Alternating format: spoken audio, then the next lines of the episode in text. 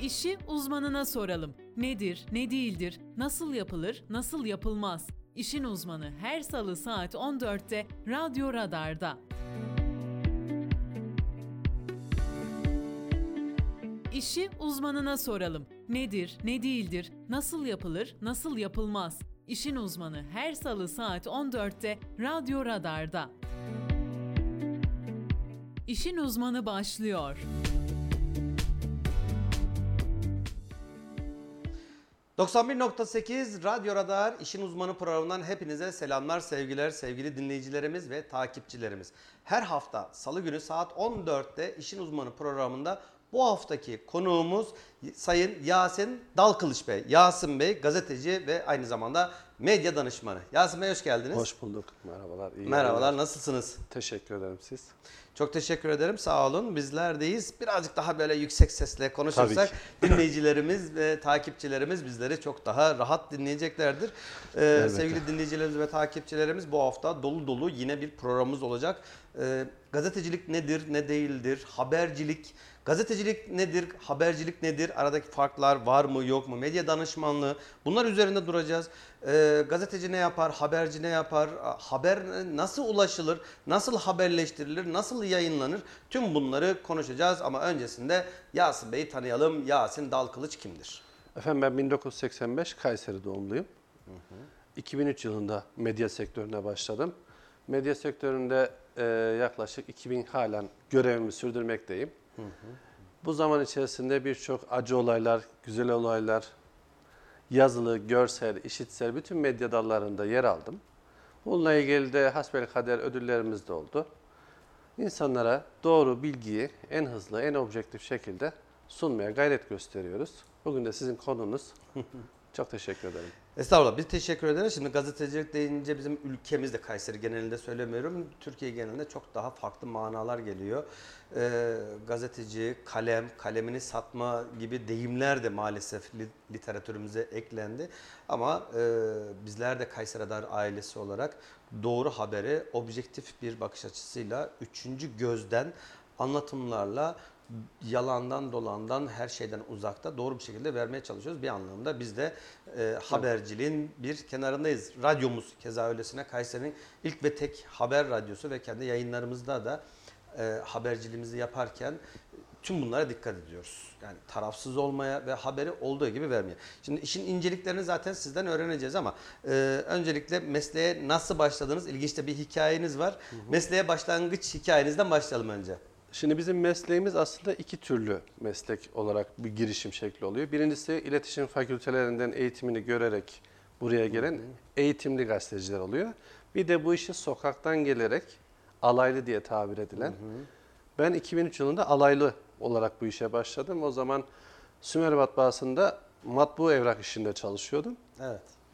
Bu çalıştığım zaman dilimi içerisinde iş yerimize günlük gazete geliyordu ve ben patrondan önce geliyordum iş yerine. Bu zaman dilimi içerisinde de e, elimize aldığımız gazeteleri okuyarak başladık ve orada zaman zaman e, işte noktayla uğraştık, virgülle uğraştık, altını çizdik, soru işareti bıraktık kalemle. Benden sonra da patronum geldiği için, gazetede ona gittiği için gazetenin üstünde hep oynama görüyordu. Yani kalem oynamaları görüyordu. Ya bunu sen mi yapıyorsun dedi. Ben yapıyorum dedim. Ya niye yaptın falan ne dedi. Ya dedim işte bak buraya nokta konulması gerekiyordu, buraya virgül konulması gerekiyordu, bu başlık böyle mi olur, şöyle mi olur, ne? İyi tamam dedi, beni gönderdi. İki saat sonra, tabii ben işime devam ettim. İki saat sonra Mustafa Yeğena sağ olsun, yaşıyorsa oradan selamlar bekliyorum. beni çağırdı, işine son verdim dedi. Ya Mustafa Bey dedim yani çizdiğim bir gazete.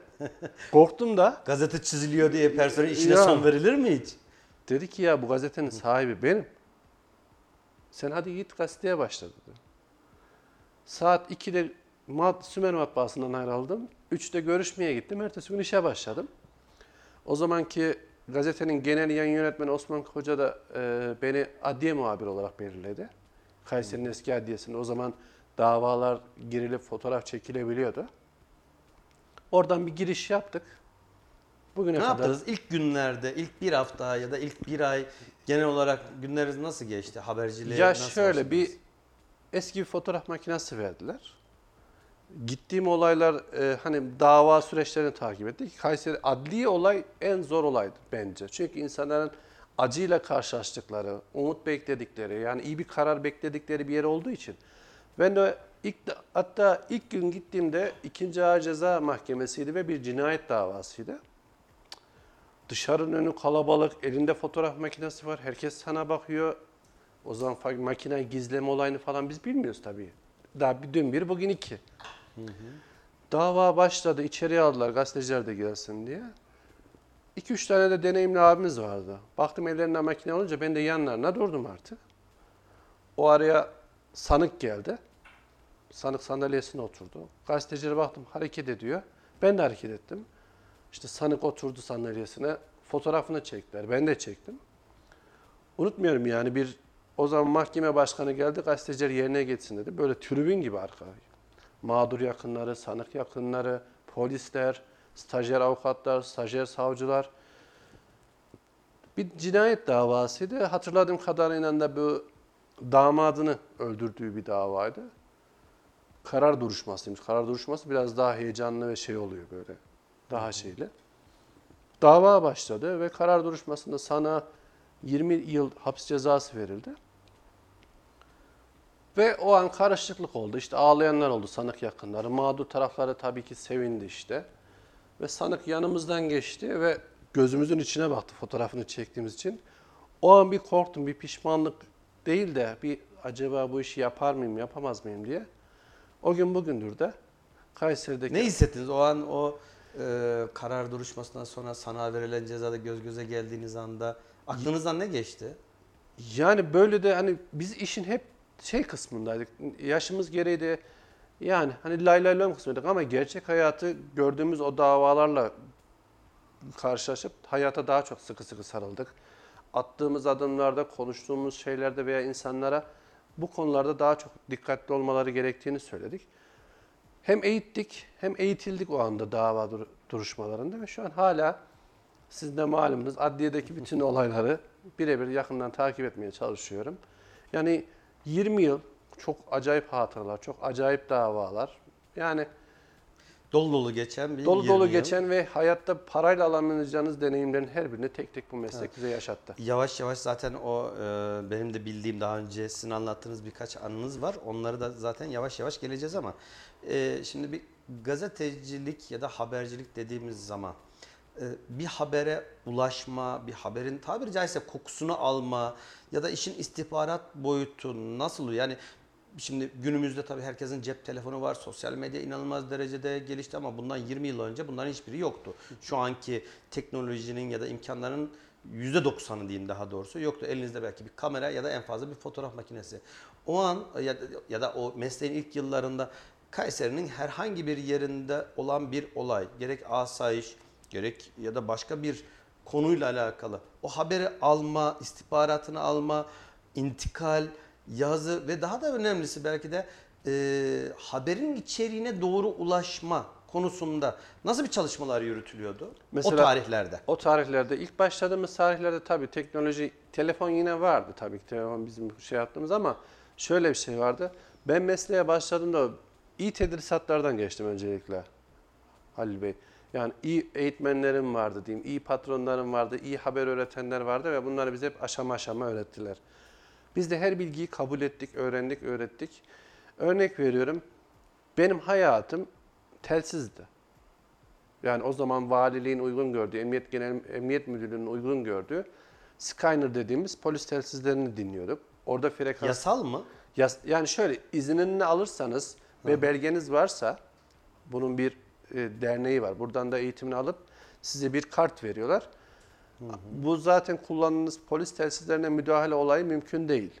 Bunların mandal kısmı kapalıdır. Siz sadece dinleme kısmındasınız. Sadece dinleme kısmı var. Bunda zaten biz emniyete bu telsizleri dinliyorsak ilgili birimlere de kendimizi söylüyoruz. Diyoruz ki yani güvenlik şube müdürlüğü var, basın protokol müdürlüğü var. Onlar da biliyor. Çünkü üçüncü, dördüncü şahısların kötü niyetli kişilerin eline geçtiği zaman suça mahal verir bu şeyler.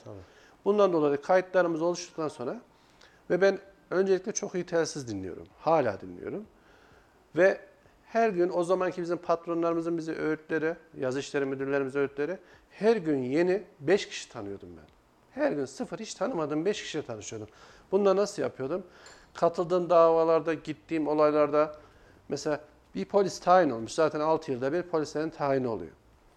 Yeni bir kişiyle iletişimimizin tutması, merhaba nasılsınız, ben şuradan kart veriyorum, kart alıyorum, iletişim kuruyoruz. Ve oluşan güven duygusu size istihbarat ağını oluşturuyor. Tabii bunu yaparken de toplumun zarar görmemesi gereken olayları yeri geldiği zaman yani eee, sıkıntı oluşturacak şeyleri ülkemiz adına, şehrimiz adına Yani toplumsal infial oluşturabilme ihtimali olan haberler. haberleri sanırım. bir kenara bırakıyoruz. Yani bir kenara derken bunu haberleştiriyoruz ama bir kenarda tutuyoruz. Çünkü çok büyük facialara neden olabiliriz. Olmamak için inceleyip sık dokuyoruz. Teyit üstüne teyit, teyit üstüne teyit. Daha sonra da bunu yaz işleri veya genel yönetmene uygun gördüğü zaman bunu ekranlara veya sayfalara taşıyoruz. Haberi nasıl yazıyorsunuz? Haberi Onun bir mutlaka bir dili var mı? var. Yani o işte gazetecilikte o 5M1K gibi e, şey, Evet. bir takım kurallar, kendi içinde bir yazım dili var mı? Var. Onu biz dediğimiz gibi e, eğitimli arkadaşlarımızın da bize kattığı şeylerden bir tanesi oldu. İşte 5M1K dediğiniz olay. Ancak biz dediğim gibi bunu yaparken çok çok gazete okumaya, çok çok e, bilgi toplamaya, bu bilgileri haberleştirmeye bir şekilde kendimize bir kalıplar oluşturduk. Bu kalıpların da kabul edilebilir olduğu zaman da doğru bilgilerle, kesin bilgilerle, doğru fotoğraflarla, doğru görüntülerle Bunları ekranlara taşıdık. Bunu haber dilini oluştururken de asayişin dili ayrıdır. Politik dil ayrıdır. Spor dili çok ayrıdır. Artı bunun işte kültür, magazin, sanat, turizm bununla da ilgili. Bunun da son dönemlerde ben e, 8 yıldır Kayseri'de bir ulusal haber ajansının temsilciliğinde hizmet ettim. Bunu yaparken de İstanbul'da branşlaşma olayı vardır ama Anadolu kentlerinde veya diğer illerde branşlaşma yoktur. Sabah cinayet çekersiniz, akşam maç çekersiniz. Ama oranın maç çeken hep bir kişidir. Asayişe bakan bir kişidir. Biz bütün haber dillerini öğrendiğimiz için yelpazemiz o yüzden çok geniş oldu. Ve bunu da başarıyla yaptık. Öğrendiğimiz haber dilleri de şimdi de eee, şu anda da işte Radyo Radar'ın bünyesinde de olduğu bir haber ajansında genç arkadaşlarımıza dilimiz döndüğünce anlatmaya çalışıyoruz.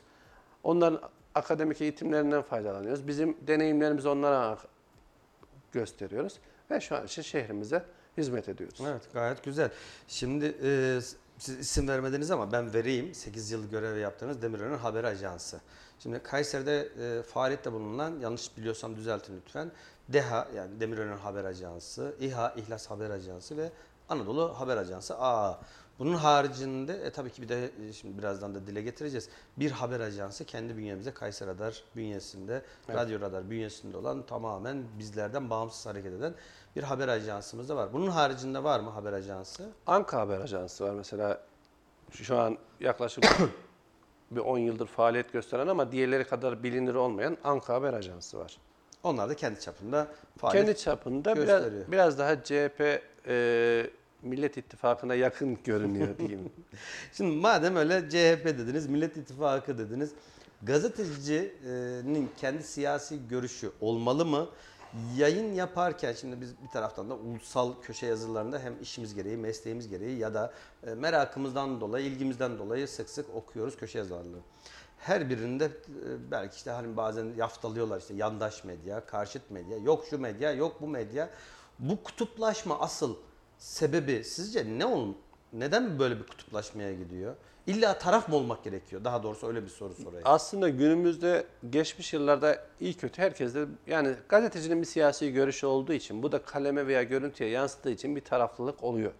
Ama Olmalı mı? Asıl soru bu. ya olabildiği kadar hani en başına dediğimiz objektif doğru tarafsız dediğimiz şeyi ilkeye edinirsek elimizle kalbimize koyarsak doğruyu da yazmamız lazım. Yanlışı da yazmamız lazım.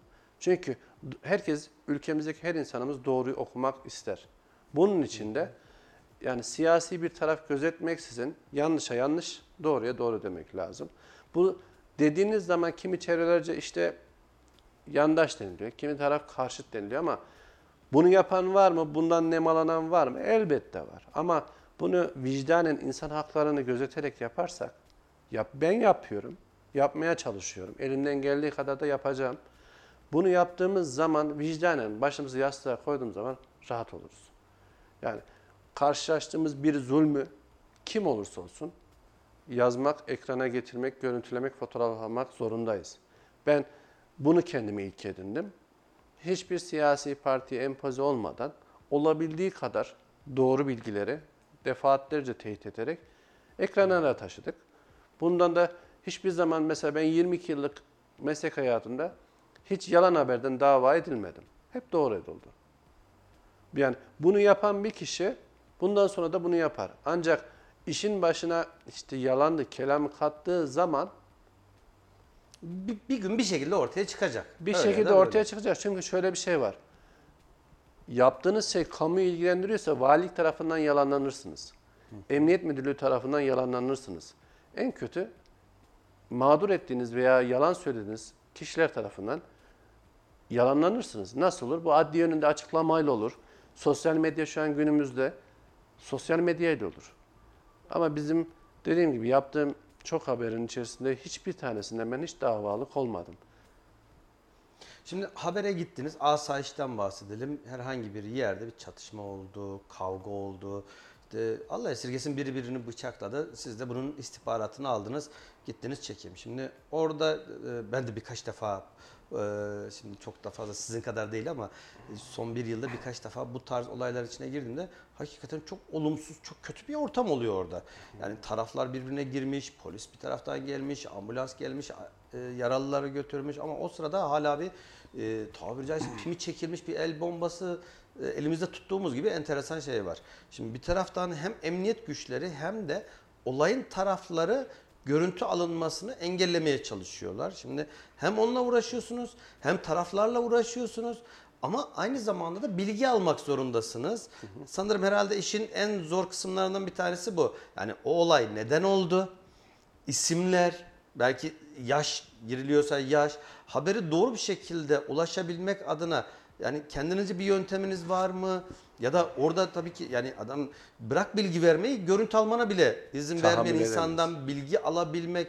Orada işte olayın nasıl cereyan ettiği ve haberi yazarken ayrıntısını vermek zorundasınız. O bilgileri nasıl öğreniyorsunuz? Öncelikle şimdi gittiğimiz olaylarda gelişen teknolojiyi de kullanmaya başladık. Büyük devasa kameralar çok dikkat çekiyor. Kameraların boyutları küçülünce bizim işlerimiz biraz daha kolaylaştı. Baktık çok fazla risk var. Cep telefonlarda artık bir kamera kadar görüntü çekebiliyor. Ancak gittiğimiz olaylarda havayı koklamak dediğimiz bir şey var. Kim taraf, kim değil, yakınları var mı, arkamda duran kim, önümde duran kim? Çünkü ağlayanlar falan. Öncelikle bu havayı koklamamız gerekiyor ve biz bunu öncelikle ben kendime yapıyorum. Ee, daha iki gün önce mesela İldem'de yaşanan bir cinayete ilk gidenlerden yani sıcak görüntülerden gidenlerden. Karışık bir olay, ortada ağlayanlar var. Vatandaş meraklı kalabalık var. Havayı kokladık. Olayı iyi kötü, iyi kötü derken nasıl olduğunu öğrendik. Güvenlik kameralarından izledik. Ee, polislerden bilgi aldık, kaynaklarımızdan bilgi aldık. Çevredeki görgü tanığı olan vatandaşlardan bilgileri aldık. Ve daha sonra çok fazla e, e, kanlı olmayan görüntüleri ekranlara getirdik. Çünkü bu görüntüleri getirmek suç. Yani çok acı da bir olsa bunun bir şeyi var, yasal bir sıkıntısı var bütün olaylarda. Ve bu olaylarda da görüntüleri bize yeteceği miktarda fotoğrafladık, görüntüledik ve bunları da bilgilerini doğru almak suretiyle yani görüntü işi aslında Halil Bey 5 dakikada halledeceğiniz bir şey ama bilgi almak yeri geliyor 1 saati buluyor. Çünkü vatandaş diyor ki ya ölen diyor ben tanıyordum Ahmet'ti diyor. Siz bilgi veriyorsunuz merkeze. Ölenin adı Ahmet A. Bu sefer polis diyor ki Ahmet değil bu. Tekrar onu sildiriyorsunuz, Mehmet yazıyorsunuz. Tüm biz bunların önüne geçebilmek adına bekliyoruz, neticelendiriyoruz ve daha sonra haberi oluş şekliyle varsa elimizde detay, röportaj, görüntü, güvenlik kamerasıyla ekranlara taşıyoruz. Şimdi eskiden gazeteler. Gazetenin dışında herhangi bir haber kaynağı yoktu. En fazla televizyonlarda işte siyah beyaz döneminden sonra akşamları işte haber saati. Şimdi en erken ertesi gün sabah haberimiz oluyordu. Dün akşam olan bir olay ya da gündüz olan bir olayı biz ertesi gün öğreniyorduk. Ama onun gazetenin e, basıma girmesi belki gece 12-1. Evet. Basından, basım işinlerinden çıkıyor. Sonra nakliye süreci var. İllere dağıtılıyor. Oradan işte e, gazete Bayi- satılan bayilere dağıtılıyor derken sabah 8'de 9'da biz gazeteyi elimize aldığımızda eskiden işte o hatta kupon biriktirilen dönemlerden diyelim 80'li 90'lı yıllarda kulakçıklar falan Allah'tan bitti o ayrı mesele ama e, ertesi gün haberimiz oluyordu.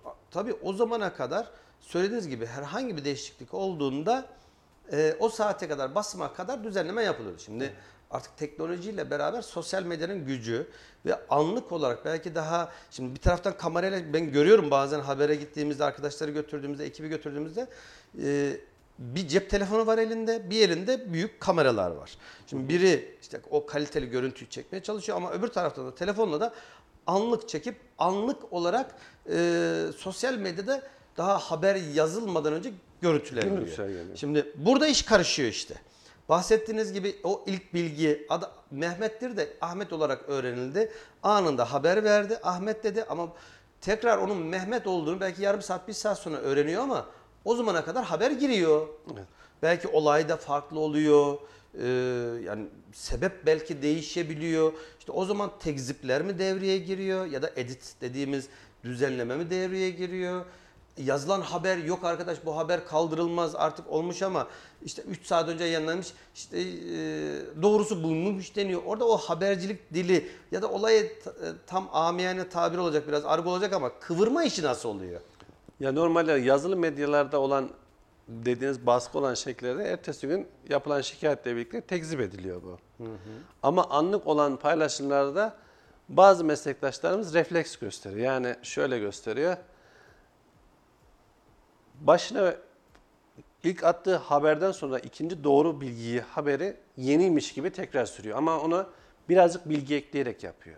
Yani İlkine hiç dokunmadan. İlkine hiç dokunmuyor. İlki gitti bir şekilde. Ama ikinci haber nedir? Kayseri'de cinayet dedik. İlk bilgileri sıcak bilgilerle yaptık. Doğru yanlış. Bu aslında doğru olması gereken. Beklemek en doğrusu. Ola ki bazı meslektaşlarımız, genç meslektaşlarımız ilk bilgiyi geçtiklerinden sonra yanlış çıkıyorsa bunu yeni düzeltmesine cinayetin oluş şekli belli oldu veya cinayetin sanığı teslim oldu deyip başlıkla ara üst başlığı değiştirerek doğru bilgiyi alta yeniden veriyor. Yani yapılan şey aslında biraz da bu. Ancak bunda şöyle bir şey var. Önemli olan bilgiyi dediğim gibi hızlı ve doğru şekilde yapmak için biz işte defaatlerce teyit alıyoruz. Çünkü yapacağınız bir yanlış, vereceğiniz bir yanlış isim ailesini, izleyenleri, ta- e, arkadaşlarını yanlış anlamaya sevk edebiliyor. İşte bazen yaşanabiliyor bu. Bizim şehrimizde çok fazla olmadı ama işte isimler karıştırıldı, soy isimler karıştırıldı. Adam ben yaşıyorum dedi. Ölmedim dedi. Bazen ünlü sanatçılarda da olur. Evet. Öldü diyor adam. Ya ben yaşıyorum diyor ertesi gün. Bu yalan diyor.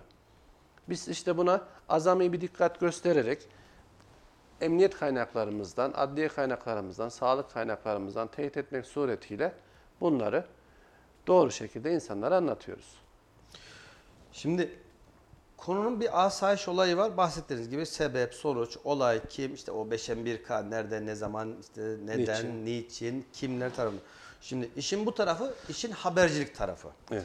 Şimdi gazetecilik dediğimiz zaman gazetecilik biraz daha farklı. E Artık o gazeteci kimliğindeki kişinin kendi yorumlarının da olduğu, e, olaylara aynı bir olay olmuştur ama ilk üç ayrı gazeteci üç farklı açıdan da değerlendirebilir. Kendi yorumlarıyla birbirinden bağımsız bambaşka yorumlar da ortaya çıkabilir. Daha ziyade siyaset ya da politikada biraz daha karşımıza geliyor.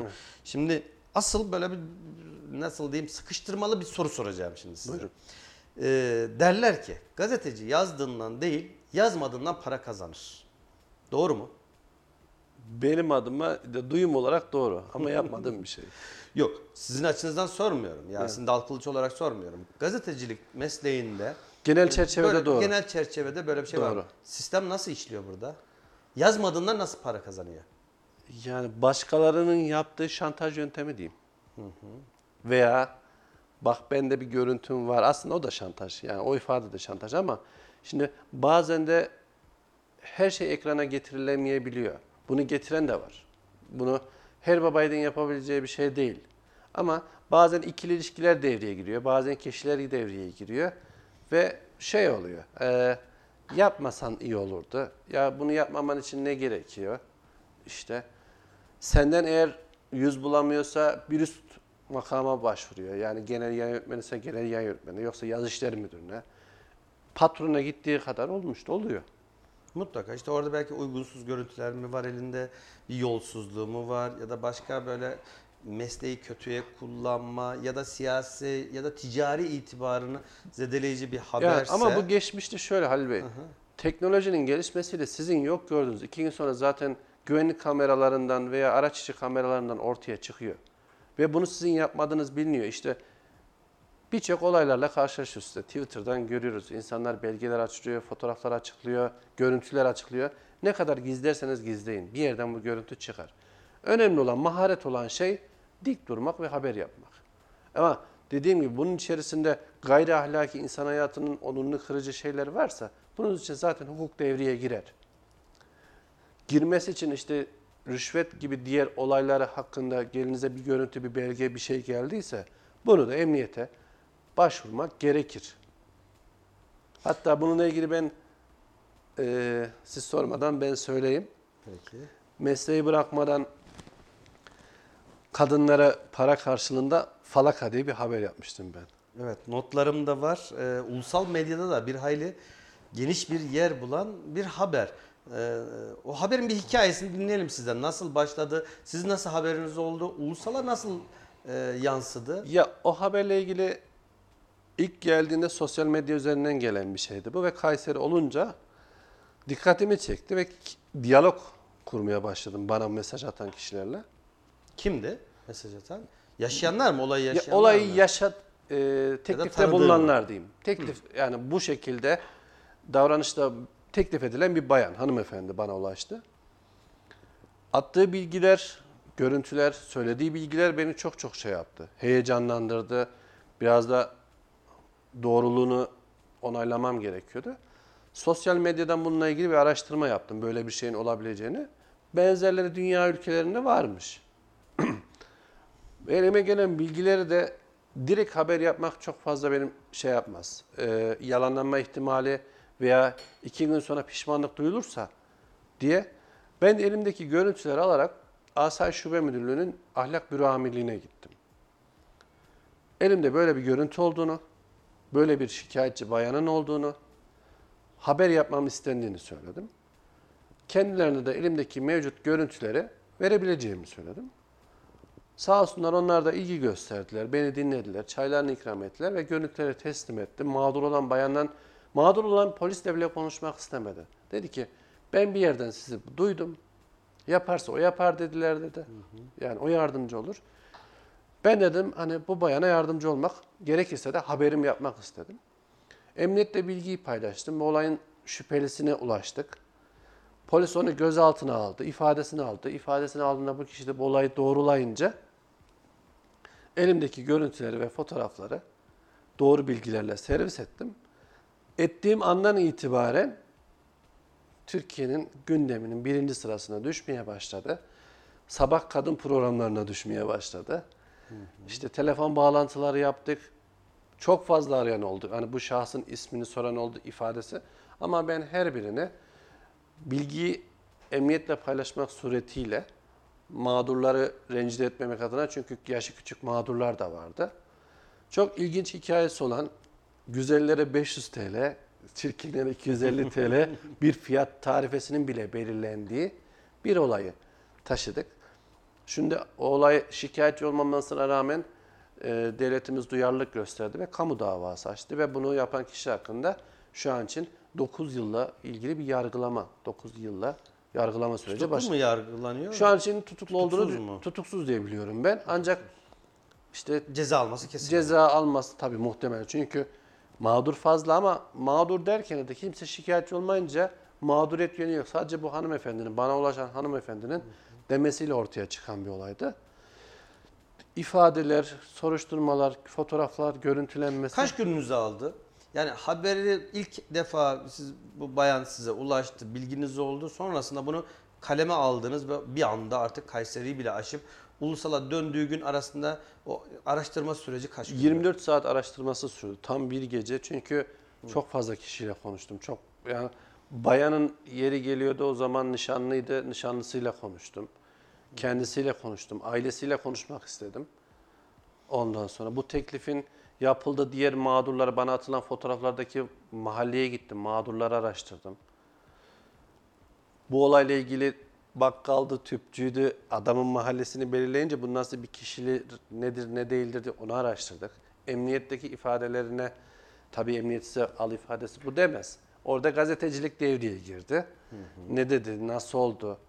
Yani 24 saat emniyetin önünde yattım diyebilirim. 25. saatte haberi o zamanki değerli arkadaşım, çalışma arkadaşım Olcay Düzgün'den şey yaptık.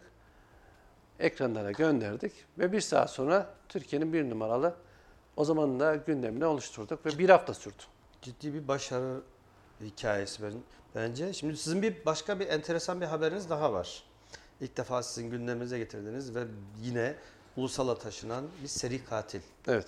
Or, oranın bir de o kısmı alalım sizden işin Ya hikayesi. dediğiniz aynen mesleki benim anılarımdan bir tanesi. Hamdi Kayapınar diye benim daha öncesinde mesleğe başlamadan ancak Kayseri'de cinayetler sıklıkla yaşandığı için dikkatimi çeken bir olaydı. Ee, Çay Bağları'nda bir villa cinayetiydi ve bu villa cinayetinde faili meçhul kalmıştı. İşimizin çok fazla yani ajans haberciliğinde çok fazla işiniz olmazsa gününüzün çoğu ya adli tıpta ya emniyette geçer. Ben de emniyetten geçmişti. Ve bu bağlamda da bir emniyette bir hazırlığın olduğunu hissettim. İşte şahıs bulundu, tespit edildi falan diye. Telsizde bizim işte çevrede insanlar tramvayda, otobüste nasıl kulaklık takıp müzik dinliyorsa biz de kulaklık takıp telsiz dinliyorduk. Gece 3'te bir hareketlilik oldu telsizde ve kalktım gece 3'te yatağımdan. Sabaha karşı emniyet Yıldırım Beyazıt'la bir operasyona imza attı. Ben de gittim görüntülemeye ama alınan tedbir ortada bir seri katil var, vurulma riskiniz var. İşte polisler gibi hazırlıklı değilsiniz, kaskınız yok, çelik yeleğiniz yok. Bir kameranız var, bir telsiziniz var. Ve zanlının seri katil Hamdi Kayapınar olduğunu öğrendim. Hatta olamaz dedim çünkü daha cezası bitmemiştir diye düşündüm. Cezaevi emniyet görüşmeleri, sabah adliye tıba getirilmesi, emniyete getirilmesi olayları her birini irdeledik. Ve sonunda da haberi gerçekleştirdik. İlk görüntüleyen ben oldum. Haberi yazdım. Hiçbir yere gitmeden çünkü bütün her şeyim, kablom, e, klavyem, laptopum her şeyim yanımdadır benim. Arabam benim aslında mini iş yerim. Yani ajans araçları genelde böyle olur. Aradığınız her şey o araçta vardır. Çünkü büroya gidip gelmek saniyelerle, dakikalarla yarışıyorsunuz. Çünkü ifade ettiğiniz gibi bir de rakipleriniz var. E, tabii. Onlardan önce haberi geçerseniz tüm herkes sizden alır. Buna şey mi deniyor? Haber atlatma. atlatma. Böyle bir e, gazetecilikte ya da habercilikte bir deyim var. Haber atlatma. Evet. Ben Bu de şey mi oluyor? Herkesten önce haberi yapmak mı oluyor ya da hiçbir yerde olmayan haberi sadece biz yaptık mı? Hangisi atlatmadır? hiç kimse de olmayanı siz yaparsanız haber atlatmadır ama bunu daha sonra arkadaşlar fotoğraflarla veya olay yerini keşfederek tedarik edebiliyor. Ama o an ilk sizi yapan ve daha sonra o diğer kurumların yapmasını sağlamanız haber atlatmadır. Haber atlattığımız da oldu, atladığımız da oldu. Ajansları zaten var eden, dili tutan şey budur. Haber atlamak veya atlatmak en büyük risktir. Atlatırsanız herkesin bir adım önündesiniz ama atlarsanız bir adım geridesiniz. Kesinlikle. Bu seri katil sonrasında ne oldu? Kaç cinayeti vardı? 7 cinayeti vardı. 7 cinayetten 16 yıl hapis cezası yatmış. Çıktığı sene ikinci bir cinayeti daha işledi ve bu cinayetten dolayı da şu an için ömür boyu müebbet hapis cezası aldı. Artık çıkamayacağını düşünüyoruz. Yani inşallah çıkamaz. Yani 7 cinayetten sonra e, mutlaka 16 yıl yattı ama belki 50 yıl, 70 yıl, 100 yıl e, ceza aldı. İşte denetimli serbestlik, işte yattığı süre bilmem ne Evet. derken 16 yıl sonra salı veriliyor. Sonra tekrar yine cinayetlere yine devam ediyor. Ve cinayet işleme tarzları da uygulama yöntemlerde mesela son işte cinayeti öldürdüğü kişinin tabancasını beğendiği için işlemiş. Uzman Evet, çavuştu kendisi. Emekli bir uzman çavuştu. Yani çok ilginç bir olaydı. Kırmızı bisikletli katildi. O zaman bis- kırmızı bisikletiyle olay yerine gidiyordu ve benim başımda kırmızı bisikletli katildi. Ben böyle haberde kişinin şekli değil de mesela yorumlanış şekli çok hoşuma giderdi. Mesela kırmızı ayakkabılı katil çekmiyorum ben. Normalde katildir ama onu farklı kılan şey benim gözümde kırmızı, kırmızı ayakkabılı olduğu zaman bütün gündem tamamen size dönüyor veya gazeteler sizin haberinizi alıyor. Bazı çünkü kurumlar yüzeysel geçiyor Halil Bey, bazıları ise detaylı geçiyor. Evet. Ee, başarılarla dolu 22 yıl koskoca. Evet. Eminim burada artık süremize bile yetmeyecek kadar anılar çok. Böyle birazcık hızlanalım. Bir de ödülleriniz var. Evet. Nasıl oldu? Hangi haberle oldu? İşte son bu falak haberinden gazeteciler cemiyeti sağ olsun bizlere ödüle layık gördü. Daha sonra e, yaklaşık 8 iletişim fakültesi rektörünün de- pardon dekanının e, jüri üyeliğini yaptığı Mersin'de düzenlenen bir tören vardı ve burada da yılın habercisi ödülüne layık gördüler. Yine aynı haber mi? Farklı Yok haber o mi? zaman farklı haberdi bu. Yani genelde asayiş temalı ama farklı haberdi. Orada da yani 3-4 tane büyük ulusal çaplı yani ülke içerisinde ödüllerimiz var. Kayseri'de Gazeteciler Cemiyetimizin bizlere takdim ettiği ödüller var. Yani bu şekilde. Şimdi e, sizin hayat hikayenizde bir gazeteciliğe bir ara verme ve sonra tekrar enteresan bir şekilde dönüş var. Kısaca o bilgiyi sizden alalım sonrasında bir reklam arasına gideceğim. Tamam. Ya e, serbest bölgede bir statik boya firmasında yazılım ya uzman olarak çalışıyordum. Yani formülasyon uzmanı olarak çalışıyordum.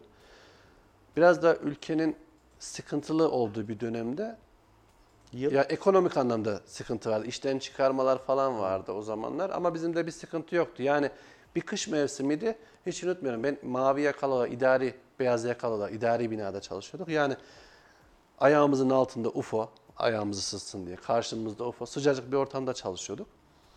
Allah rahmet eylesin. e, Büyük Birlik Partisi Genel Başkanı Muhsin Yazıcıoğlu helikopter kazası geçirmişti. 2009'du yanlış hatırlamıyorsam. Gibi. 2009 Mart Evet.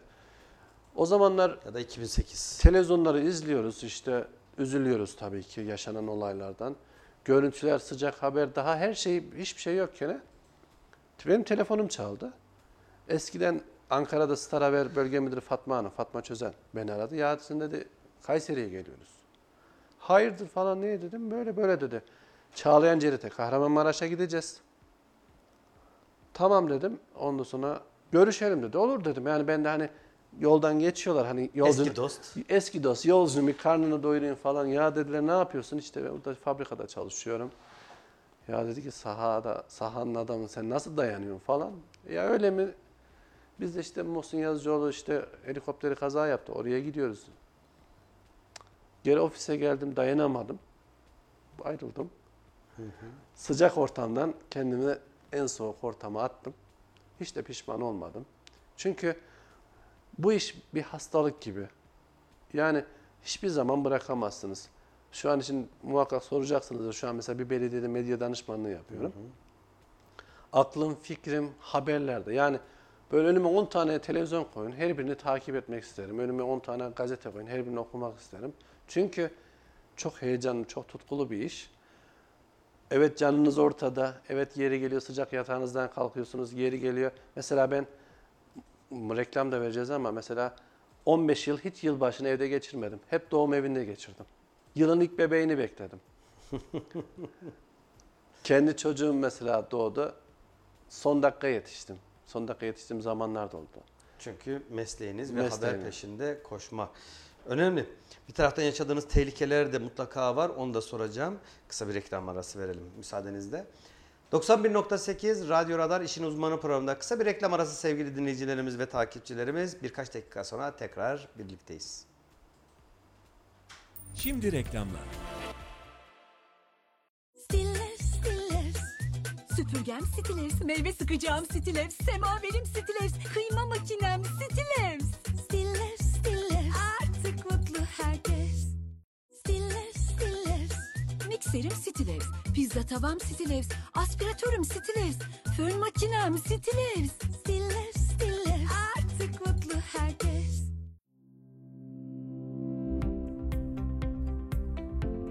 SMT Otomotiv 7 gün 24 saat kaza müdahale ekibi ve çekici hizmetiyle her zaman yanınızdayız. Tüm kaporta işlemleri, boya, mekanik, plastik tampon tamiri, şase düzeltme, pastacıyla, far parlatma, boya koruma ve daha fazlası SMT Otomotiv'de. Kasko ve sigorta anlaşmalı servisimizle hasar takip ve tespit hizmetleri hızlı ve güvenilir bir şekilde hizmetinizdedir. Adres Yeni Sanayi Şeker Kısmı 15. Sokak No 8 Kayseri. Telefon 0532 250 46 35.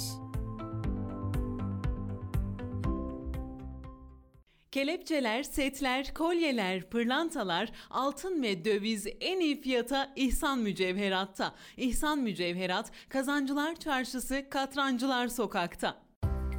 Neotek, kurumsal çözümler. Binalarınız için merkezi uydu sistemleri, görüntülü diyafon, işletmeleriniz için güvenlik kamerası, hırsız alarm sistemleri. Gözünüz arkada kalmasın. Adres Sahabiye Mahallesi, Örnek İş Merkezi, kat 4, numara 404. Telefon 0352 220 44 33. 30 yıllık tecrübeyle Özerpan diyor ki pencerenin %75'i camdan oluşur. Bu yüzden yalıtım camda başlar. Isı cam, sinerji ve ısı cam konfor serisi camlar üstün Özerpan üretim teknolojisi ve kalitesiyle 10 yıl garantili ve ömür boyu yalıtımlı. Camcınızdan Özerpan garanti belgesini istemeyi unutmayın. Cama konacak en doğru marka Özerpan. Alo ısı cam hattı 444 62 30. Özerpan. Reklamları dinlediniz.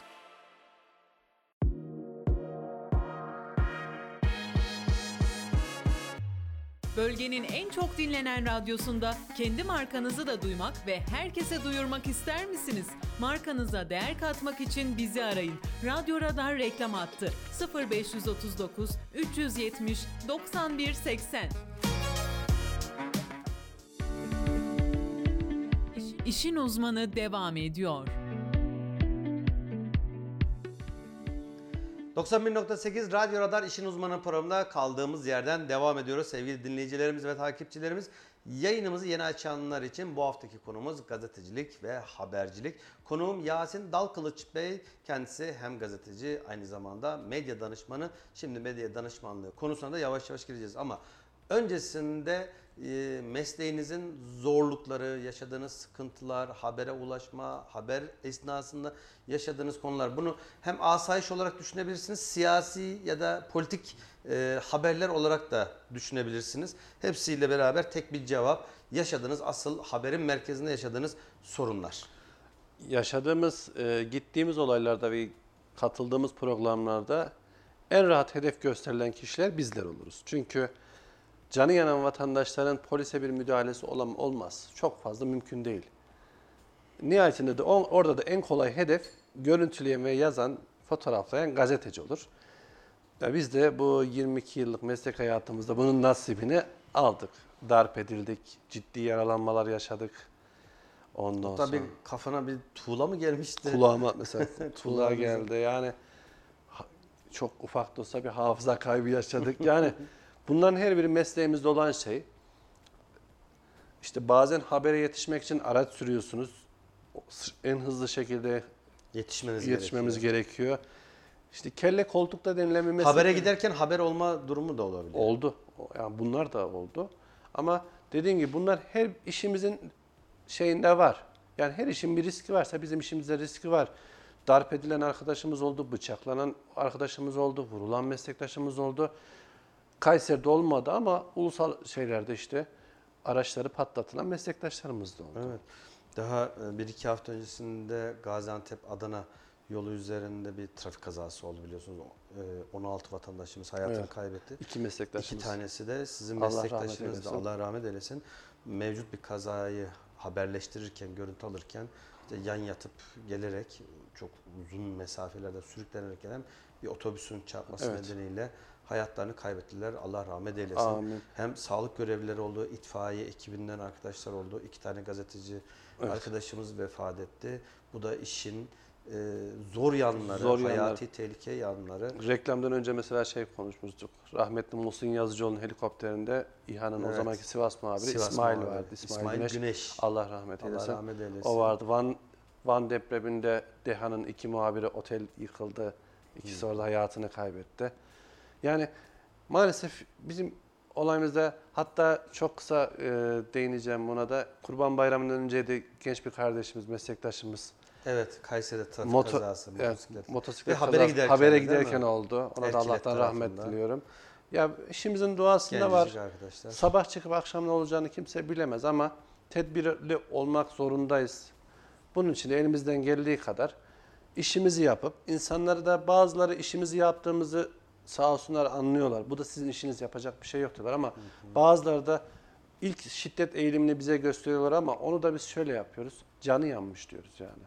Tabii. O anki Yani empati kurmak Empati gerekiyor. kuruyoruz, Oradaki tabii ki. kişilere e, belki deşifre olmak istemiyor. Şimdi herkes şimdi bir e, basit bir e, trafik kazası da olabilir ama öbür taraftan böyle karşılıklı suçlamaların olduğu, kavga, niza olduğu anda yani deşifre olmamak adına söylediğiniz gibi ilk gözüne kestirdiği belki gazeteciler arkadaşlar olabilir, muhabir arkadaşlar olabilir. Orada da sizin ciddi anlamda bir e, tehlike altında olduğunuz durum var ve Evet. söylediğiniz gibi üzerinizde herhangi bir kendinizi savunacak bir şey yok. Miğferiniz yok, çelik yeleğiniz yok. Bir herhangi bir kendinizi savunma sisteminiz Artı yok. şöyle de bir şey var. Bizim kullandığımız kameralar çok pahalı kameralar. Ve şirketler bunu üstümüze zimmetlerler. Ha onu da söyleyeceğim. Mesela kamera, mikrofon e, yanınıza götürüyorsunuz. Orada bir arbede yaşandı. Öyle ya da böyle bir zarar gördü. Dediniz işte üzerimize zimmetli. E şimdi bugünün rakamlarıyla konuşalım. Hadi bir muhabir arkadaşlar, gerçi fiyatlar çok fazladır ama atıyorum 8 bin lira maaş alıyor diyelim. E kullandığı makine belki 100 bin 200 bin TL'lik minimum. Belki daha fazla e, mesela ulusal basın için daha fazladır belki mutlaka. E, 100 bin 200 bin bunların kaskosu olmaz, sigortası olmaz bu cihazların. Evet. Oradaki arkadaş bir arbede yaşandı, bir şey oldu, düştü, habere giderken düştü. Tabii ki bilinçli olarak kimse kırmaz ama orada bir kameraya ya da mikrofona zarar geldiği zaman bunu ilgili firma bu personelden tazmin yoluna mı gidiyor? Bazı firmalar tazmin yoluna gidiyor. Bazı firmalar ise yani büyüklük gösteriyor. Ya senin canına bir şey olmasın da kırılsın önemli değil yapacak bir şey yok deniliyor ama eğer teknik anlamında da onarılabilecek bir şeyse objektiftir, işte tuştur kırılan veya herhangi bir yerse onarılma yoluna gidiyor ama bazıları da personelden maaşından bir süre şey yapıyor. Ama şu da var yani e, ben buna karşıyım mesela. Şimdi o 100 bin 200 bin liralık kameraya güveniyorsanız bu mesleğin içinde var olan bir şey. Yani orada bir siyasi parti lideri örnek veriyorum işte geçenlerde Meral Akşener geldi. E, esnaf ziyaretleri yaptı. Ben gördüm. Akıllara zarar böyle tıklım tıklım. Vatandaş oradan, gazeteciler öbür taraftan, Meral Hanım'ın etrafındaki işte milletvekilleri ya da belediye sorumluları, il teşkilatları bir taraftan bir dükkandan öbür tarafa gidiyorlar. Koruma ordusu var bir taraftan. Haberci arkadaşlar görüntü almıyor. Orada inanılmaz bir itiş kakış. E, orada olmazsan haberi çekemeyeceksin, görüntü alamayacaksın. Ben biliyorum bir arkadaşımızın işte koruma e, görevlilerinden bir tanesini itmesiyle, ha, o da tabii ki bilerek yapmıyor, o da işini yapıyor ama düştü kamerası da kırıldı. Evet. E şimdi bu muhabirin ne suçu var ne günahı var. Şimdi bunu bundan bundan taz- tazmin yoluna gitmek bence çok da doğru bir şey olmaması lazım. Yani suç unsuru varsa bilerek, bilinçli sakarlığından, kendi sakarlığından ofisteyken aldı, çantasına koyarken düşürdü. Tamam. Ona dikkat etmesi gerekiyor. O e, onun görevi onu muhafaza etmek. Şimdi onu tazmin et ama habere gitmiş. Orada bir kavga, gürültü var ya da bir çatışma var. Kendini sakınıyor, hayatı tehlikesi var. Yani istem dışı olan tamamen artık sakarlık da değil. Doğal hayatın akış içerisinde, o hengamenin içerisinde olmuş bir şeyi de tazmin etmek ne kadar doğru onu da İşte mesela bazı, bazı kurumlarda özellikle ajans kurumlarında, ulusal ajansların kurumlarında kameralar genelde şirket tarafından verilir ama fotoğraf makineleri muhabir tarafından alınması istenir. Yani benim mesela 3 tane fotoğraf makinem var. Hepsini benim kendi paramla aldığım şey. Kırılsa da hani kendi malın kırılsın muhabbeti. Ama kameralar öyle bir şey değil. Ve şöyle şöyle bazı arkadaşlarımız, meslektaşlarımız ben mesela ve benim çevremdeki birçok arkadaşım kamera bizim için bir nimet, ekmeğimiz gibi. Bunu nasıl yere düşürmemek için gayret göstermeye çalışıyoruz. Bunu da arkadaşlarımız bu gayreti gösteriyorlar ama bazen de dediğimiz gibi yaşanan olaylar, arbedeler, kavgalar, siyasi olağan genel kurulları bunların her birinde de üzücü olaylar yaşanıyor ve burada da cihazlar kırılıyor. Evet, üzücü şeyler ama buradaki arkadaşların da biraz daha dikkatli olması Evet. lazım diyelim. Ee, geldik belediye sosyal medyası, belediye basın yayını. Ee, aynı zamanda siz de danışman olarak da görev yapıyorsunuz. İncesu Belediye'miz Sayın Mustafa İlmek Bey, belediye başkanımız. Buradan kendisine de e, Radyo Radar ve Kayser Radar ailesi olarak selamlarımızı, sevgilerimizi iletelim. Çok sevdiğim, başarılı bulduğum, oldukça e, başarılı bulduğum bir belediye başkanımız. Ben genelde e, sabahları yaptığımız programlarda genelde eleştiriyorum belediyelerimizi. Özellikle merkez ilçe belediyelerimizi yaptığı icraatlardan dolayı ama her zaman için söylüyorum Sayın Mustafa İlmek Bey e, çok daha büyük yerlerde olmayı hak eden bir belediye başkanımız. İnşallah. Yüzüne de söylerim, gıyabında da söylerim, yayında da söylerim. Oldukça başarılı bulduğum bir belediye başkanımız. İnşallah İncesu'ya çok katkıları oldu. Daha da olacak. Kısmet olursa bundan sonra daha da farklı yerlerde görmek isteriz. Kendisine başarıların devamını dileriz. Tekrar selamlarımızı, sevgilerimizi iletiyoruz Sayın Mustafa İlmek Bey Başkanımıza. Yasin Bey, sizin bir de belediye danışmanlık ve e, basın yayın tarafınız var. E, normal bir habercilik, gazetecilikle belediye tarafındaki görev birbirinden farklı mı? Farkları varsa neler? Orada sistem, mantık nasıl yürüyor? Şimdi belediyeler normalde siyasi kurumlar alıyor. Aynı Evet. zamanda seçilerek gelen kişilerin bir ideolojileri, bir çevreleri, bir yönetme şekilleri var. Bize Sayın e, Belediye Başkanımız, ben de buradan selamlarımı iletiyorum. Bir haber, salı günü habere gittik. Perşembe günü ben belediyeye başladım. Kendisi medya konusunda yanında iş teklif etti. Ben de kabul ettim. Ve kendisiyle de bunu konuştuk. Çünkü şöyle bir şey, İncesu Belediyesi, İncesu ilçesi Kayseri'deki en büyük ilçelerden bir tanesi. Metropol ilçe. Ee, Melik Gazi, Kocasinan, Talas, Hacılar, İncesu. Ve şu an için İncesu çok fazla nüfus olan bir ilçe, gelişen bir ilçe, turizm tarihi ilçesi. Ee, ve bu gelişmişliği de gösteren mevcut şu anki belediye başkanı Mustafa İlmek. Çünkü ben de işin o yanına gitmeden önce yani belediye asfalt yapar, parke yapar, kaldırım yapar, çiçek eker düşünüyordu ama işin o kısmı öyle değil. Biz de işe başlarken Sayın e, Belediye Başkanımıza görüşmelerimizi yaptık ve ben oraya her gittiğimde hemen hemen işim nedeniyle her gün gidiyorum sabah. Her gittiğimde gazeteci gözüyle gidiyorum. Bir belediye çalışanı gözüyle gitmiyorum. Yoldan giderken de toplu taşıma araçlarını kullanıyorum oldukça. İçerideki başkanla ilgili olan herhangi bir şeye kulak kabartıyorum. Gördüğüm herhangi bir çöp konteyneridir, at- atık maddedir her birine mümkünse fotoğraflayıp değilse ilgili birimlere söylüyorum. Ve bununla ilgili de belediye başkanımızla görüş alışverişinde bulunuyorum. Çünkü artık belediyeler arasında da aynı partili de olun olmayın bir rekabet var. Bu rekabette sizi öne geçirecek şey bir hizmet, iki bu hizmeti ekranlara veya sayfalara taşıtmak. Biz de bunu İncesu Belediye Başkanımızın sağ olsun bizlere verdiği destekle şu an belediyemizde çalışan, basın biriminde çalışan eee, Recep Bey var müdürü. Onur Bey var, Hakan Bey var ve ben varım. Bunlarla birlikte bir bütünlük içerisinde en iyi ekipmanlarla, en iyi şekilde, en güzel kompozisyonları sunarak, çünkü belediyecilik biraz kompozisyon gerektiriyor. Yani bazı asli yapmanız gereken işleri bile öyle bir ölçülendirmeniz gerekiyor ki bunların her birine haber haline getirip insanlara ya bu zaten sizin hizmetiniz değil miydi dedirtmememiz gerekiyor. Aa bunu da yapmış belediye bak bu da olmuş. Yeni şey çalışmalarla biz bunları oluşturuyoruz. Bunu da yaparken sosyal medyalarımızı diri tutuyoruz. Çünkü devirimiz dijital çağ. İşte şu an radyoda insanlar bizi araçlarında dinliyorlar, evlerinde dinliyorlar, bilgisayar başına dinliyorlar. Aynı zamanda telefonlarla bizleri görüntülü olarak da Evet, ayrı izleyebiliyorlar. telefonla. İşte bunu yapacağımız zaman en güzel şekilde yapıp en doğru şekilde insanlara lanse etmemiz gerekiyor. Ve sizi diğer belediyelerden veya diğer meslektaşlarınızdan farklı kılan şey de bu. Durmadan yenilik içerisinde olmak, yeni görüşler ortaya çıkarmak. Mesela şu an biz İncesu Belediyesi olarak benimle birlikte dijital gazete başladık. Kendim çiziyorum. Haftanın panoraması gibi. Bunu sosyal medyalarımızdan yayınlıyoruz.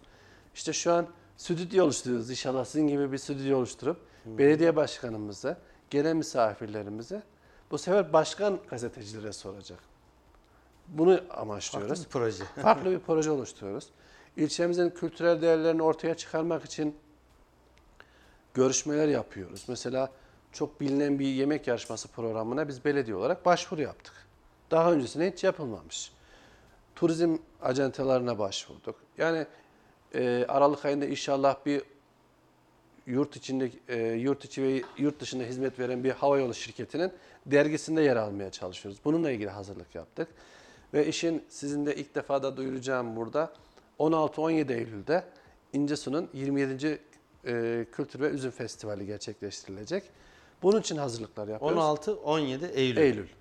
Hangi güne geliyor? Cuma ve cumartesi günleri. Cuma, cumartesi. Aynen belediye başkanı. Tekrar edelim tüm e, Kayseri halkı da buradan duysun. Efendim e, 16-17 Eylül'de İncesu'da Tarihi Merzifonlu Kara Mustafa Paşa Kervansarayı'nda e, sürpriz diyecektik artık sanatçılarımız belli. 16 Eylül'de saat 21'de Kıraç, 17 Eylül'de e, Zara'nın sahne alacağı bir konserimiz olacak. Gündüz de aktiviteler Tabii gündüz de aktivitelerimiz olacak. İncesu verimli topraklarında çok farklı üzümler yetişiyor. Bu üzümler yarışacak. Bölgemizi anlatacak, İpek yol üzerinde olan bir ilçemiz olduğu için bölgemizi anlatacak bir sürü faaliyetimiz var. Birbirinden kıymetli misafirleri ve siz değerli gazeteci dostlarımızı ağırlayacağız. Her şey İncesu için, başkanımızın dediği gibi daha güzel İncesu için çalışıyor. Sloganlar gerçekleştiriyoruz işimiz gereği. Yani yeni çalışmalar, şu an seçim stratejisi daha başlamadı ama bununla ilgili elbette bir hazırlığımız olacak ama biz her gün, her pazar seçim varmış gibi ancak asli olan hizmetlerimizi en güzel şekilde yerine getiriyor belediye başkanımız. Biz de onları kıymetli gazetecilere paylaşıyoruz. Şimdi e, İncesu Belediyesi'nden bağımsız olarak sadece Kayseri olarak da değil tüm Türkiye olarak da düşünülebilir.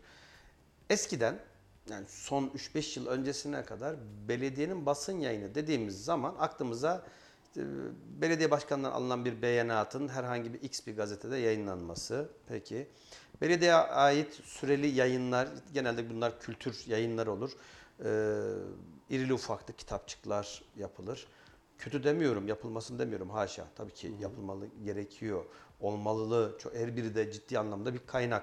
Gelecek nesillere aktarılacak eserler. Bu konuda ben Büyükşehir Belediyesi'nin e, geçmiş 20 yıl öncesinden, 30 yıl öncesinden bile basın yayınını her zaman takdir etmişimdir. Hakikaten güzel eserler ortaya koyabiliyor. Şimdi işin bu boyutu. Ama bu kitaplar herhangi bir yerde çoğu sadece Kayseri özelinde söylemiyorum. Türkiye genelinde söylüyorum. Çoğunu biz herhangi bir yerde görmüyoruz. Herhangi bir satışını görmüyoruz. Yapıyorlarsa, basıyorlarsa bu kitapları belki bürokrasi içerisinde 50, 100, 200 tane, 500 tane Dağıtalım. artık ne kadarsa dağıtılıyor. Ama vatandaş olarak ben ulaşamıyorum. Döndük günümüze artık sosyal medyanın çok daha ön plana çıktığı, haberin, haberciliğin e, yön değiştirdiği, artık gazetelerin neredeyse hiç basılmadığı, çoğu da zaten dijitale geçiyor. E, bununla beraber belediyeler buna yeterince henüz ayak uyduramadı diye düşünüyorum. Hala basılı yayınlar devam ediyor. Etmesin demiyoruz. Tabii ki etsin ama e, yapılan o 5-10 tane basılan kitaptan orada yaşayan vatandaş ya da farklı yerlerde yaşayan vatandaş haberi yoksa benim için hiçbir anlamı yok bu işlerin. Evet. O zaman basın yayının görevi belediyenin yaptığı işleri duyurmak, bu kampanyaları varsa yapmak, festivaller ya da kültür programlarını organize etmek, hatta ve hatta ilçe, sadece İncesu özelinde söylemiyorum yine, tüm Türkiye'deki 81 vilayetin işte kaç yüz tane, binin üzerinde herhalde ilçesi var bilmiyorum saymadım ama e, bakmadım sayısına. Aynı zamanda ulusal basına da yer alıp ulusal ya da uluslararası kültürle ve e, turist çekecek hale getirecek bir takım çalışmalar yapması lazım. Buna evrilme ne yönde? Hem İncesu sizden önce ve sizin zamanınızda aynı zamanda da hem Büyükşehir hem Koca Sinan hem Melik Gazi bir kısa bir değerlendirmenizi isteyeceğim. Çünkü mesleğiniz gereği onlarla da sürekli iç içesiniz. Tabii. Diğer taraftan da e, basın yayın merkezi olmayan ilçeler de var. Evet. Onlara tavsiyelerimiz. Şimdi öncelikli olarak ilçemizde e, benim göreve başladığım itibaren benle birlikte değil ama zaten ilçenin bununla ilgili bir hazırlığı vardı. Dinamikler harekete geçti. Sayın Valimizin de e, Sayın Gökmen Çiçek'in de katkılarıyla, Büyükşehir Belediye Başkanımız Sayın Memduh Büyük Kılıç'ın da destekleriyle bir turizm atağı başladı ve bu da ilçemiz için de verimli olmaya başladı ve e, bize konu çıktı diyelim basın olarak. Çünkü ilçemizde bulunan değerler o kadar önemli ki Örenşehir'de mesela bir mozaik var. Mozaik çalışması var. Tamam yapımı tamamen kazı çalışmaları bittiği zaman tarihi çok değiştirecek akım Henüz oluşturacak. vatandaşların ziyaretine yeri olarak mı? ilan edilmediği için açılmadı. Ancak e, şu an için hala kazı çalışmalarda devam ediyor. Artı yine ilçemizde Bulgurcu Mahallesi'nde bulunan Rum Kilisesi restorasyonu devam ediyor ve ortaya çıkaran e, yapılar diyeyim, e, resimli figürler diyeyim. Yani ben 22 yıllıkta çok da haberye gittim. Çok da fazla kilise çekimlerim oldu. Yani çeşitli ayinlerde, görüntülemelerde. Buradakiler daha beni çok heyecanlandırdı. Yine burası da Büyükşehir Belediyesi ve İncesu Belediye'mizin katkılarıyla restorasyon çalışması devam ediyor. Yaklaşık 150-200 gün gibi bir süre kaldı. Ama ortaya çıkan fotoğraflar, görüntüler gerçekten çok dikkat çekici. 350 yıllık Arasta Çarşısı'nda yenilik başladı, bitmek üzere artık. Merzifonlu'muz Kara Mustafa Paşa Kervansarayı zaten hala ihtişamını koruyor ve birçok organizasyona imza atıyor. Burada sadece biraz reklam gibi olacak ama ülkemizdeki reklamda olsun hiçbir sıkıntı yok. Ülkemizdeki birçok sağlık, turizm sempozyumlarının artık belirli yerlerden alınıp bu gibi tarihi yerlerde yapılması hem ilçeye değer katacaktır hem de görüntü olarak gerçekten 300-400 yıllık bir tarihi havayı solumanıza neden olacaktır. Ve gittiğiniz ilçelere de ekonomik anlamda katkı sunacaktır. Ben burada çeşitli sağlık, kültürel kongre düzenleyenleri de İncesu'muza davet ediyorum bu vesileyle. Yani çok güzel bir mekan, iyi bir ev sahipliği, Anadolu sıcaklığı, kültürel yemekler ve bizim de bir de sizi de ağırladığımız marinamız var. Evet hem Marine'ye geleceğim ama bir antiparantez 2009 yılında baş yazıcı grubunun reklam halk ilişkileri müdürü olarak çalışırken Metin Akpınar Bey ile Üstad'la reklam filmini biz İncesu merkezdeki Merzifonlu Kara Mustafa Paşa Kervansarayı'nın içinde çektik. Ve Evliya Çelebi'yi oynattığımız yaklaşık 110 kişilik bir ekiple çektiğimiz e, günlerce süren bir reklam filmiydi. Muhteşem ötesi bir eserdi. Hikayesi de enteresandı. Yani sadece oynayan figüranlarla beraber 40 kişinin üzerinde reklam filmi oynadı. Çok ciddi bir prodüksiyondu. Metin Akpınar Bey'i biz e, Evliya Çelebi haline getirdik ve Evliya Çelebi'nin seyahatnamesine yazdığı yazıları biz birebir yazdığını reklam filminde okutturduk. Hem e, İncesu için de güzel bir çalışma oldu. Benim için güzel bir anı oldu Metin Akpınar Bey'le bir reklam filminde birlikte çalışmak, markaya bir değer katmak benim için de çok ciddi bir şeydi. Ben geçmişten bugün hep ince suyu hakikaten çok seviyorum. İnce sulu değilim ama ince suyu seviyorum. Ee, havası çok değişik, e, bitki örtüsü çok güzel, yeşilliği çok güzel. Kayseri'nin belki en yeşil ilçelerinden biri. Merkeze çok yakın, yani yarım saatlik bir mesafe. Suyu var, güzel havası var, marineniz var. Ee, buradan hem marineyi biraz anlatmanızı isteyeceğim. Çünkü eski hikayesini geçtik ama şu an bir oradaki göletin yanında belediyenin işlettiği bir restoran birkaç defa da ben de gittim. Sevgili dinleyicilerimiz ve takipçilerimiz e, sizlere e, tüm samimiyetimle öneride bulunuyorum. Marine'de İncesu merkezden bir, birkaç kilometre dışında göl kenarında ailenizle, çocuklarınızla, sevdiklerinizle, arkadaşlarınızla birlikte çok güzel zaman geçirebileceğiniz muhteşem ötesi yemeklerin olduğu ve fiyat olarak da ciddi anlamda da çok uygun piyasaya göre. Şimdi hep hayat pahalandı diyoruz her yerde yükseldi diyoruz ama Marina yine kendi içinde piyasaya göre fiyatlar oldukça uygun. Lezzet inanılmaz güzel. Bakın kaç defa gittim. Hatta birkaç kez arkadaşlarla gittiğimizde kendi kimliğimizi bile hiç e, ortaya koymadan herkese olan davranışı karşılaştık. İlgi alaka çalışan tüm personel ilgi alakası hakikaten üst düzeyde. E, tüm samimiyetimle tekrar tekrar öneriyorum. Hafta sonu ya da hafta içi ailenizle birlikte hem zaman geçirebileceğiniz, keyifli zaman geçirebileceğiniz, sıcak havalarda serinleyebileceğiniz, çocuklar için keyifli alan, hatta ben de çok seviyorum biliyorsunuz orada birkaç tane de köpek var. Evet. Köpeklerle zaman geçirebileceğiz. Bir mesire alanı da aynı zamanda olan bir belediyenin yaptığı bir yer ve işlettiği yer var. Mutlaka ama mutlaka fırsat buldukça gitmenizi tavsiye ederim. Lezzetleri, ilgi alakası ve fiyatları da oldukça uygun, diğerleri de oldukça yüksek. Fiyat dışında her şey yüksek. Kalite anlamında. Orayla ilgili yeni çalışmalar var mı? Ya da Kayseri ne kadar tanıyor marinayı? Kayseri Marina'yı ne kadar tanıyor? Marina, e, Sayın Belediye Başkanımız Avukat Mustafa İlmek'in çalışmasıyla hayata geçirilen, belediyenin kendi işletmeciliğini yaptığı önemli ve güzel bir sosyal tesis haline getirildi. Farklı e, kültürel yemeklerin sunulduğu, uygun şekilde sunulduğu bir şey. Belediye Başkanımızın oradaki ilk e, kavramı şudur, ucuz kalite. Yani bunu şöyle yapıyoruz. Bunu aynı zamanda ilçede bir önemli bir katma değer olarak görüyoruz. Çünkü şöyle bir şey var.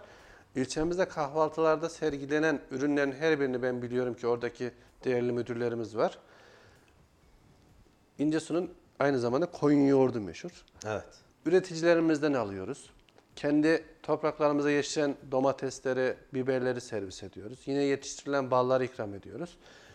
Yani bu şekilde değişiklik olarak da sayın e, bu yaz akşamlarından biraz daha keyifli geçmesi, insanların biraz daha mutlu olması için salı ve perşembe günleri canlı müzik olayımız var. Saat 24'e kadar sürüyor. Kaçtan kaça onu tekrar edelim. 19'dan 24'e kadar Salı ve 24. Salı ve perşembe, Perşembe günü. Tarz genelde nedir? Valla insanları mutlu edecek her tarz var. Yani türkü tarzı mı? Türkü de var, Özgün müzik özgün mi? müziklerimiz de var. Yani bir grup Popüler. popüler olarak. grup ya bir grup halinde geliyorlar zaten. Bu 4 kişilik, 5 kişilik bir grup halinde. Hafta sonları zaten e, kahvaltı programları oluyor. Burada da dediğimiz gibi biz bilinirlik anlamda marinaya gerçekten bir şeyler daha yapmamız gerekiyor. Bu biraz da benim e, bizim bir eksikliğimiz. Bunun için arkadaşlarımız özel videolar, çalışmalar, görüntüler yapıyor. Şehrimize gelen vatandaşlarımız özellikle ben buradan tekrar söylüyorum. Nevşehir'e, Kapadokya'ya giden vatandaşlarımız bu güzergahını sadece 2-3 kilometre daha uzatarak İncesu içerisinde yaparlarsa hem İncesu'nun şu an yetişen üzümlerinden alma imkanları var. Hem marinada kahvaltı güne iyi bir başlangıç, dinç bir kahvaltı, başlangıç için kahvaltı yapma imkanları var. Ve 15 kilometre sonra Ürgüp'ün içerisinde olma şansları Evet, çünkü var. İncesu'nun içinden de zaten eski şu an Garipçe'deki yapılan yol zaten çok eski ana yol değil. Öncesinde İncesu'nun içinden geçiliyordu. Evet. Ee, Aksalur, Aksular. Aksalur. Aksalur içerisinden geçiliyordu. Yani yönlerini o tarafa doğru verebilirler. Oradaki o ambiyansı, güzel Tabii ki. ve doğayla iç içe yeşillik içerisinden geçip giderler. Hem orada keyifli zaman da geçirirler hem de gidiyorlarsa Ürgüp'e yine gitsinler. Oradan devam edip gidebilirler. Yani keyifli zamanlar bizim orası şöyle e, Halil Bey. Güne başlangıç için de çok iyi bir adres. Gün bitti, gezdik Kapadokya'ya. Akşam içinde bir yemek yemek yerse yapacağımız ızgaralarda, diğer lezzetlerinde çok iyi bir şekilde mezelerle birlikte sunulduğu çok güzel bir adresimiz var. Tüm vatandaşlarımızı bekliyoruz. İncesu Barajı'nın kıyısında. Burada insanlar serinleyecektir. Bunun için de biz bilinirliği, tanınırlığı anlatmak adına çeşitli çalışmalar, görüntüler, fotoğraflar, reklam çekimleri yapıyoruz. Burada da zaten en büyük paydaşımız bizim E, Kayseri Radar ailesi. Çünkü biz onlarla birlikteyiz. Çok seviyoruz onlardan çalışmayı da. Sağ olsunlar idareciler de bize hiçbir şekilde kırmadan her türlü yenilikleri bizlere de anlatarak hem bize yol gösteriyorlar. Biz de o yolları en iyi şekilde yapıyoruz ve insanlara ulaştırıyoruz. Bu konuda e, sadece sorunuzda Melik Gazi Kocasinan Talas buradaki belediyedeki bulunan basın yayın birimindeki herkesle diyaloglarımız çok çok iyi. Rekabet ettiğimizi biliyoruz hizmet rekabetleri ama fikir danıştığımız oluyor. Çünkü deneyimli abilerimiz var. Bizlere yol gösteriyorlar. Bizlere de bir şey sorarlarsa dilimiz döndüğünce anlatmaya çalışıyoruz. Hepimizin amacı ve gayesi işimizi en iyi şekilde yapmak, ilimize, ilçemize en iyi şekilde e, tanıtmak. Ve artık ciddi anlamda bir şansımız var. Ee, Sayın Valimiz Gökmen Çiçek Bey'in kültüre, turizme ne kadar önem verdiğini artık birkaç ay içerisinde hepimiz tüm Kayseri halkı anladı. İnanılmaz destekleri var. Çok çok çok çok teşekkür ediyorum kendisine. Artık sadece İncesu için söylemiyorum bunu. Talas, Melikgazi, Koca Sinan, Pınarbaşı'ndan Sarıoğlan'ına, Yahyalısı'na kadar inanılmaz derece turizm zenginliklerimiz var. Tarihi güzelliklerimiz var. Hem doğal güzelliklerimiz var. Tarihi yapılarımız var. Artık belediyelerin o kabuğunu sıyırıp eski basın yayın ya ben iki tane haber yapayım, iki tane dergi çıkarayım. Bundan artık biraz daha sıyrılıp oradaki basın yayınındaki arkadaşların oradaki herhangi bir aktiviteyi, oranın doğal güzelliklerini ulusal medyaya taşıyıp kültürüne, turizmine katkı sağlayıp turist çekebilecek hale getirecek bir zihniyetle işlerini yaparlarsa zaten valimizin inanılmaz bir desteği var her konuda. Projeleri e, birlikte valilik desteğiyle bile yani belediyenin bütçesi yetmedi olsa bile valilik desteğiyle birlikte ulusal medyaya taşıyacak tüm Türkiye'ye gündem olabilecek çok güzel doğal güzelliklerimiz var. Çok güzel yerlerimiz var. Bunları taşıyabilecek bir yapıyı da oluşturabilmek aslında bir anlamda sizlere çok büyük görev düşüyor Yasin Bey. Yani belediye başkanının görevi o ilçeyi e, yönetmek, elektriği de suyu da altyapısı öbürü belki tamam 40 tane işi var. Ama basın yayındaki arkadaşların işi belediyenin faaliyetlerini duyurmaksa, belediyenin sadece belediye başkanının değil, belediyenin genel anlamı yapıyorsa o o zaman orada bir doğal güzellikler, bir festivaller, aktiviteler varsa bunu da ben bunu nasıl ulusala taşırım, nasıl bunu haber yaparım ya da nasıl yaptırırım, nasıl daha geniş kitlelere ulaştırırım diye mutlaka ama mutlaka düşünmesi lazım. İşte- Sizlere görev düşüyor bu İşte konuda. bu bağlamda belediyelerin basın yayın birimleri diğer birimler gibi sabah 8 akşam 5 olan birimler değil. Belediye başkanları ne zaman işi biter, e, çalışma şeyi biter. Çünkü bazı belediye başkanlarımız gece 24'e kadar sahada oluyorlar. İşte bu seçim zamanı daha çok artabiliyor. Tabii. İşte kışın kar programları çekiliyor. Bu yönde bizim belediye basın yayın birimi, ben kendi İncesu adına konuşayım, kendi birimimiz. Taşın altına eline değil de gövdesine koyan insanlardan oluşuyor. Çünkü sağ olsunlar ne zaman mesela ben söylediğim zaman arkadaşlar rica ettiğimiz zaman hiç şey yapmıyorlar ve gereğini en güzel şekilde yapıyorlar. Bunun için de ilgili sağ olsun belediye başkanımız da hiçbir ekipmandan kaçmadı. Yani şöyle bir şey var. Oluşturduğumuz intiba da bizi şöyle e, Halil Bey. Şimdi basın birimleri belediyenin aynı zamanda dışarıdaki vitrini. Mesela şu an üstümüzdeki kostüm, benim üstümdeki şu anki giydiğim şey gazeteci olduğumuzu gösteren ya bu kimdir? Çünkü alelade gazeteci insanlar, belediyenin basın yayının birimdeki insanlar en iyi şekilde başkanını görüntülemek zorunda. Bunun için de giyimden başlıyor, ekipmandan başlıyor, daha sonra yapacağınız işten başlıyor. Ve bununla ilgili arkadaşlarımız gerçekten çok sıkı bir çalışma içerisine girdi. Ee, bu hafta da işte dediğim gibi önümüzdeki festivale çok çok iyi hazırlanmamız gerekiyor. Görüntüler, fotoğraflar, seslendirmeler, ışıklandırmalar bunları en iyi şekilde yapmaya çalışıyorlar. Bu gayreti de gösterdiğimiz zaman e, elimizden gelen tüm en iyi şekilde belediyemizi, belediye başkanımızı, ilçemizi tanıtma gayreti içerisinde oluyoruz. Sadece bir ilçemizi tanıtmak anlamında da yeni projeler belediye başkanımıza biz sunuyoruz. Bununla ilgili de inşallah yeni önümüzdeki eğitim öğretim yıl dönümünde bütün öğrenci kardeşlerimizi Kayseri içinde ve civar ilçelerdeki öğrenci kardeşlerimizi ilçemize davet ediyoruz. En azından onların ilçemizi görüp tanımalarını istiyoruz. Hatıralarında yer kalmalarını istiyoruz. Hatta benim şöyle bir projem var hala şu an başlangıç aşamasında. Malum çocuklarım küçük siz biliyorsunuz. Evde bizim Rafadan Tayfa diye bir şeyimiz var. Çizgi filmi. Onun da bir Göbekli Tepe diye bir teması vardı. Ya ben de düşündüm ya Rafadan Tayfa İncesu niye olmasın? Çünkü çocukların hafızasında bu tip şeyler kalıyor. Bununla ilgili de bir çalışmamız inşallah başlayacak. Çocukların hafızasına girdiğimiz zaman çünkü bir çocuk annesini babasını elinden tutup hadi beni marineye götürün dediği zaman annenin babanın eli kolu düşüyor. Kesinlikle. Bunun için çalışıyoruz. Size görevler düşüyor. Programımızın sonuna yavaş yavaş geliyoruz ama hem bir selam göndereyim hem de selam göndereceğim arkadaşların sorusunu size ya- ya- sormak istiyorum Yasin Bey. Bizleri Konyalardan dinleyen e, Melih Kamış ve Mert Akpınar arkadaşlarımız şu an bizleri izliyorlar, dinliyorlar ve izliyorlar. Selamlarımızı gönderelim. Radyo Radar ve Kayser Radar ailesi olarak Mert Bey'in de bir sorusu var. Evet. Diyor ki e, genç arkadaşlara bu mesleği yapmak isteyen, gönül vermiş olan arkadaşlara tavsiyeleriniz nelerdir? Yolun başındaki ya da henüz üniversiteyi da eğitimini de almamış, ta lisede olan arkadaşlar, bu mesleği yapmak isteyen arkadaşlara tavsiyeleriniz nelerdir? Şimdi bir büyük olarak, bir abi olarak tavsiyeler başka ama ben o tavsiyeleri çok fazla sevmiyorum. Daha sert. Yani bunu yapıyorsan şunu da göze almalısın. Buna cesaretin varsa şunu yap gibi tavsiyelerinizi, gerçekçi, reel tavsiyelerinizi almak istiyorum Yasin Vallahi Bey. o zaman ben yaşadığım tavsiye ederim. Bizim bu işi yapmak isteyen kişiler, genç arkadaşlarımız şunu gözünün önüne alsın. Bir, yeri gelecek sadece haftada bir defa çocuğunu görebileceği göze almalı. İki, işte ben e, programımızda da konuştum. 15 yıl yeni yıla doğum evine girdim. Herkes eğlenirken, gezerken ben yılın ilk bebeğini bekliyordum. Bunu göz önüne alsınlar. Yine bu işte darp edilmeyi, e, ne bileyim kötü İş sözler, kazası. iş kazasını göze alsınlar.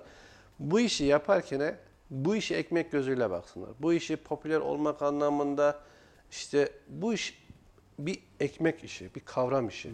Buna yeri gelecek gece kalkmayı, işte sabahın köründe işe gitmeyi, belki hiç dönmemeyi ki ben e, bunu en iyi yaşayanlardan biriyim. Acı olay e, ülkemizdeki 15 Temmuz darbe girişiminde 15 Temmuz akşam evden bir çıktık. 19 Temmuz'da çocuğum doğdu diye bir, bir iki saat gördüm. Tekrar işimize geçtik. Ta ki 30 Ağustos'a kadar bu böyle devam etti. Ha, Dönem dönem üst baş değiştirmek veya bir duş almak için girdik çıktık. Ama bu işin doğasında var ve biz bu işin doğasını çok seviyoruz. Çünkü amacımız insanları bilgilendirmek. Bunu dünyaya bir defa daha gelsem yapar mıyım? Yaparım. Kendini geliştirmek isteyen arkadaşlara tavsiye Kendini geliştirmek isteyen arkadaşlarımız öncelikle şu, öncelikle kendilerinin günlük yaza belirledikleri yazarları sık sık okumaları gerekiyor.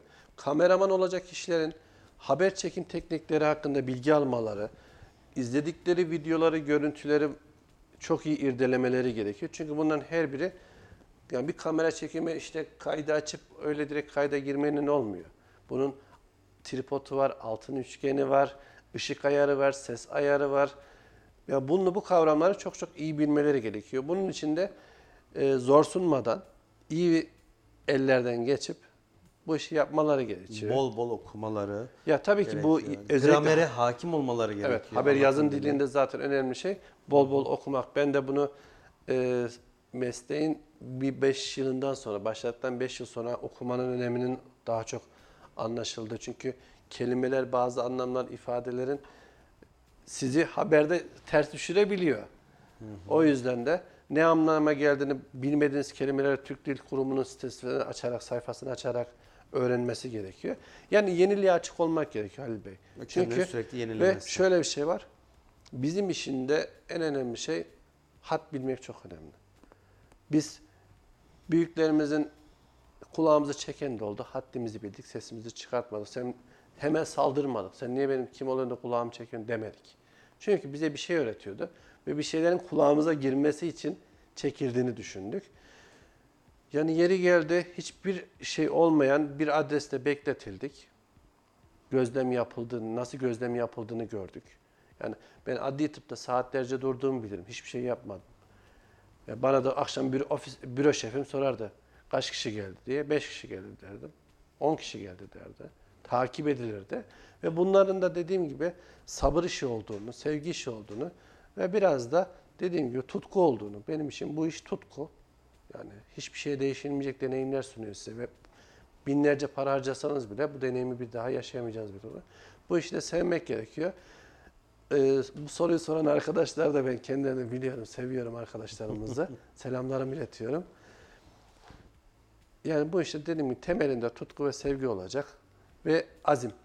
O, Çok güzel özetlediniz Yasin Bey. Çok teşekkür ederim. biz teşekkür ederiz. Programımızın sonuna geldik. Eklemek istediğiniz son cümlenizi alalım. Efendim herkese bizi dinleyenlere, e, internet başında izleyenlere selamlarımızı, saygılarımızı iletiyoruz. Benim için de keyifli bir program oldu. Kendimizi ifade etmek, mesleğimizi ifade etmek fırsatı yaşadık. Çünkü bizler öyle ki yeri geldiği zaman kameranın arkasında oluyoruz. Ve sadece Çoğu zaman. Çoğu zaman arkasında. ve hep çektiklerimizin hikayelerini dinliyor insanlar. Bizim hikayemiz çok fazla dinlenmezdi. Sizin sayenizde bizim hikayemiz artık dinlenir oldu. Çok teşekkür ediyorum. Bizim için de çok keyifli e, bir program oldu. Normalde programımız 45-50 dakika civarındayken şu an itibariyle yaklaşık bir buçuk saatlik bir programımız oldu. Dolu dolu oldu. Hatta konuşulsa devam etsek e, en az Gazeteci laf bitmez. Evet saatlerce daha devam edecek bir programdı. Evet. Keyifliydi. Gazetecilik mesleğini öğrendik. Siz